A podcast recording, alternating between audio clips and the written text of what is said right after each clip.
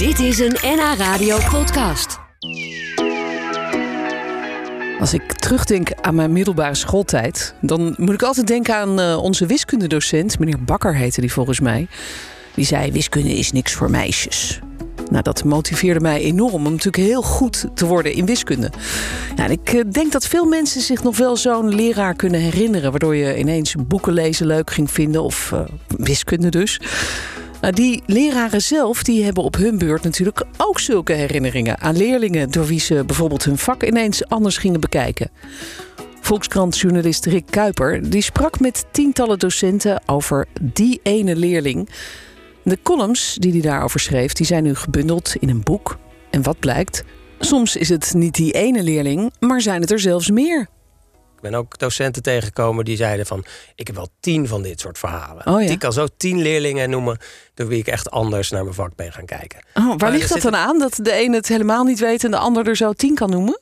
Eh, ja, dat weet ik niet. Dat, Nee. Daar heb ik geen onderzoek naar gedaan. Maar Nee. ja, misschien, misschien dat het met een bepaalde bevlogenheid te maken heeft... van docenten om, om, om na te denken over hoe ze hun vak kunnen verbeteren... of om zichzelf te evalueren als ze iets gedaan hebben met een leerling. Dat, dat, dat lijkt me Ja. plausibel dat het zoiets is. Ja, en je hebt gesproken met een heleboel onbekende, maar ook bekende leraren. Eh, bijvoorbeeld eh, cabaretier Johan Goossens. Die is ook wel eens bij ons in de uitzending geweest. Die heeft ook een aantal boeken geschreven over zijn ervaringen in de klas. Ja. Maar ook met de minister Arie Slob van Onderwijs. En met oud-Kamervoorzitter Gerdy Verbeet.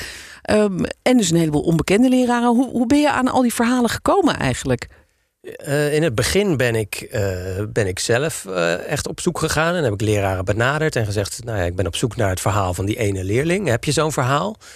Ehm, en zo had ik vijf, zes verhalen. En toen zijn we begonnen met de serie. En daarna stroomde het eigenlijk binnen. Ik heb, Oh ja? echt, ja, ik heb denk ik wel 200 mails gehad... met, met samenvattingen van verhalen van leraren en oud-leraren die dan, eh, nou ja, die ook zo'n zo'n leerling hadden door wie ze anders naar hun vak zijn gaan kijken. Dus ik had de luxe dat ik heel erg selectief mocht zijn. En, eh, ja, je kon echt zo- kiezen. Ja, ja, ik kon echt de beste verhalen uitkiezen. Ah, bijzonder. En, en waarom willen die leraren hun verhaal graag vertellen? Is dat, is dat trots op hun vak of wat, wat is Ik dat? denk dat sommigen trots zijn op, hun, op, op hoe ze iets aangepakt hebben. En dat ze dat dan ook eh, blijven leraren. Dat ze dat ook aan anderen willen laten zien. Die Ja. er dan misschien eh, van kunnen profiteren. Ter lering en de vermaak? Ja, maar tegelijkertijd zijn er ook leraren die zich eh, enorm schamen voor iets wat ze gedaan hebben. En nou ja, de- daardoor nou ja, zo dapper zijn dat ze dat toch, toch Ja. hebben durven vertellen aan mij. En Maar misschien ook- in de hoop om anderen te waarschuwen. Precies, Ja. ook, ook daar weer toch met een Ja. educatief doel van pas op, dit kan jou ook als leraar overkomen. Heb je daar een voorbeeld van? Van, van een... Ja, er was een, eh, er was een leerkracht die, ehm, eh, nou ja, eigenlijk, eh, die kreeg allemaal complimenten op het moment dat ze afscheid nam van het vak. En eh, ze zei van, ik, ik- vond het eigenlijk helemaal niet terecht. Want ik, ik dacht alleen maar terug aan die ene leerling bij wie ik eh, incest over het hoofd gezien had. Wat? En eh, ja, zij, zij, er was een meisje die was bij haar thuis gekomen. Die, dat meisje was- zou blijven zitten. En die was smekend bij haar thuis gekomen. Van kun je toch niet van die vijf die je mij gegeven hebt een zes maken. Zodat ik toch overga. En ik wil, nou ja, ik wil gewoon, ik wil heel graag over. En ehm, nou ja, dus zij had gezegd: nee, dat, doe, dat, dat gaan we niet doen. En eh, vervolgens eh, eh, volgde ook nog een gesprek met die ouders. En bleek een hele dominante vader in het spel te zijn. En pas jaren later besefte zij, ze herkende dat verhaal tijdens een cursus die ze volgde jaren later. En toen dacht ze van, ja, dit, dit is gewoon een. Dit was, er was sprake van incest met een dominante vader en een meisje dat heel snel uit huis wilde. Ja, die wilde Dus snel zo school snel mogelijk de school wilde afmaken. En dat heb ik gewoon over het hoofd gezien. Jeetje. En dat, eh, Maar ja, ze, dit- weet, ze, weet het nooit, ze heeft het nooit zeker geweten of het echt zo was. Maar ze Nee. dacht van ja, die, die signalen. Met terugwerkende kracht herkenden Ja. ze de signalen eigenlijk. Ja. Dus dat, dat is ook En ze is daardoor alerter geworden, zei ze Mhm. tegen mij. Van toen, ik, toen, ik- toen ik die cursus gehad had, en be- ben ik echt, als ik, als ik een beetje het gevoel had van er klopt iets niet in wat deze leerling mij vertelt, ben ik door gaan vragen. Altijd doorvragen van wat is er dan aan de hand? En nou ja, zodat ze toch beter wist wat er dan eh, wat er eh, speelde bij kinderen. Ja, wat een heftig verhaal zeg. Ja. Maar, maar inderdaad ook een, een hele belangrijke les misschien voor Ja. mensen die nu in het onderwijs zitten. Ja. Van eh, vraag door als je die signalen binnenkrijgt. Ja. Ja, in het, in het voorwoord eh, van je boek schrijf je ook over een leraar op een basisschool. die aan zijn leerlingen had gevraagd: Nou, schrijf eens wat op een briefje over hè, hoe, hoe het allemaal. Wat je, van mij wat je van me vindt en hoe het allemaal gaat. En die kreeg een briefje waarop stond: Jij ziet mij te weinig. Ja. Dat vond ik ook nog wel zich, heftig. Hij schrok zich te pletter. Ja, op de basisschool dus. Ja, ja. Want hij zei van ja, dat is eigenlijk het ergste wat je kan horen als, uh, als leerkracht. Dat, Ja. dat een leerling ze- eh, het gevoel heeft dat hij niet gezien wordt. Of dat hij een beetje over het hoofd gezien wordt. En eh, nou ja, hij is dat toen met de klas gaan bespreken. En eh, ook, ook zelf in zijn hoofd nagegaan. Van, klopt het nou wat die, eh, wat die jongen zegt? Zie ik hem nou inderdaad over het hoofd? En nou ja, hij was erachter gekomen van ja, dat klopt eigenlijk wel. Ik besteed helemaal niet zoveel aandacht aan deze jongen. ja. Het mooie van dat verhaal, het was het eer- allereerste verhaal wat ik gemaakt had in deze serie. Ah, Dus daar begon het een allemaal mee. dierbaar- dierbaar Ja. verhaal. ja. Het, eh, het mooie is dat hij dus daarna ook echt eh, een, een systeempje bedacht heeft om, dat, eh, om het goed te maken. Zeg maar. Dus hij heeft met Nee, de ja. jongen gewoon afgesproken van... oké, jij komt twee dagen in de week, kom jij om half negen gewoon bij mijn bureau. Dan maken we even een praatje, vraag ik hoe het met je gaat. En eh, nou ja, zonder dat dat hele zware gesprekken hoefde te zijn. Maar eh, op die manier heeft hij er dus voor gezorgd dat, hij... eh, dat die jongen ook voldoende aandacht kreeg. En dat Ja. hij het een beetje goed maakte. Maar vanaf dat moment is hij ook alerter geworden erop. Dat hij, dat hij echt dat hij niet voor een klas staat, maar echt voor een groepje individuen. En dat hij bij al die kinderen toch moet weten wat er in ze omgaat en er aandacht aan moet besteden. Ja, ja, nou ook weer een wijze les dus voor, voor Ja. iedereen die nu in het onderwijs zit of, of die eraan wil beginnen. Eh, straks praten we nog even verder, want je hebt nog veel meer bijzondere verhalen. Bijvoorbeeld over een, eh, een lerares die eh, op, een, op een school in Haarlem werkt en daar een leerling met Gilles de la Tourette in de klas kreeg. Dat lijkt me ook heel ingewikkeld. Hoe dat ging, dat, dat horen we zo dadelijk. Dan praat ik nog eventjes verder met, met Rick. Je zelf eigenlijk ooit voor de klas gestaan? Vroeg ik me nog af. Nee, ik heb wel wat, wat cursussen journalistiek gegeven. Ehm, maar ik heb, nee, ik heb geen leraaropleiding. En ik heb, ja, ik heb wel eens bij mijn kinderen in de klas een lesje over journalistiek gegeven. Dat vond ik doodvermoeiend, wel heel leuk. Maar Ja, Eh, wel een kunst hoor, om, eh, om 30 kinderen in het gareel te houden en om ze te blijven boeien. En, eh, nou ja, Zeker. veel respect voor. ja, ik heb een blauwe maandag nog wel de pedagogische academie gedaan. De eerste jaar. Dus dan heb ik ook stage gelopen. En dan zat ik in zo'n klas. En dan op het laatste moment weet ik nog, dan, dan, was, dan moest ik een les geven die ik had voorbereid. En dan kwam de buurvrouw die zei: Oh, sorry, ik moet even weg. Neem je mijn klas erbij? Zat ik opeens met 60 kinderen daar. Ik vond dat wel best wel pittig eigenlijk. Ja, kan ik me voorstellen. Om het heel zacht te zeggen. Maar goed, ja, in jouw boek heb je eh, dus de verhalen staan van heel veel verschillende leraren. Van basisscholen, van middelbare, maar ook ROC's en zelfs van de universiteit, geloof Ja. ik. Ehm, waarin leraren eigenlijk terugkijken op één bijzondere leerling. Sommigen hebben er meer, maar veel hebben er maar eentje. Die hun kijk op het vak veranderde. Of die, eh, ja, waar ze achteraf gezien denken: had ik dat misschien anders aan moeten pakken? Eh, een van die bijzondere verhalen is, eh, komt uit Haarlem, is van Lisbeth, docent Frans bij het Lyceum Sancta Maria. Die kreeg een leerling met Gilles de in de klas. Dat Ja. lijkt me heel ingewikkeld. Hoe ging dat?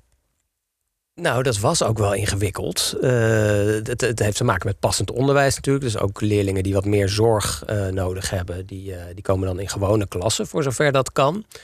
En deze jongen die bleek, nou ja, ook wat dwang, dwanghandelingen te moeten verrichten van zichzelf. Dus bijvoorbeeld elke ochtend moest hij van zichzelf, voordat hij naar school ging, door de wijk fietsen en dan een bepaald aantal stoplichten of iets dergelijks eh, tellen voordat hij dan naar school mocht. Dus die kwam vaak te laat. Eh, dat weet ik niet? niet. Of hij ging op tijd weg. Dat Ja, ja. eh, vertelt het verhaal Ja. niet. Maar, en hij riep af en toe door de klas riep hij willekeurige woorden van mascara of oogpotlood. Of nou ja, dingen die met make-up te maken hadden.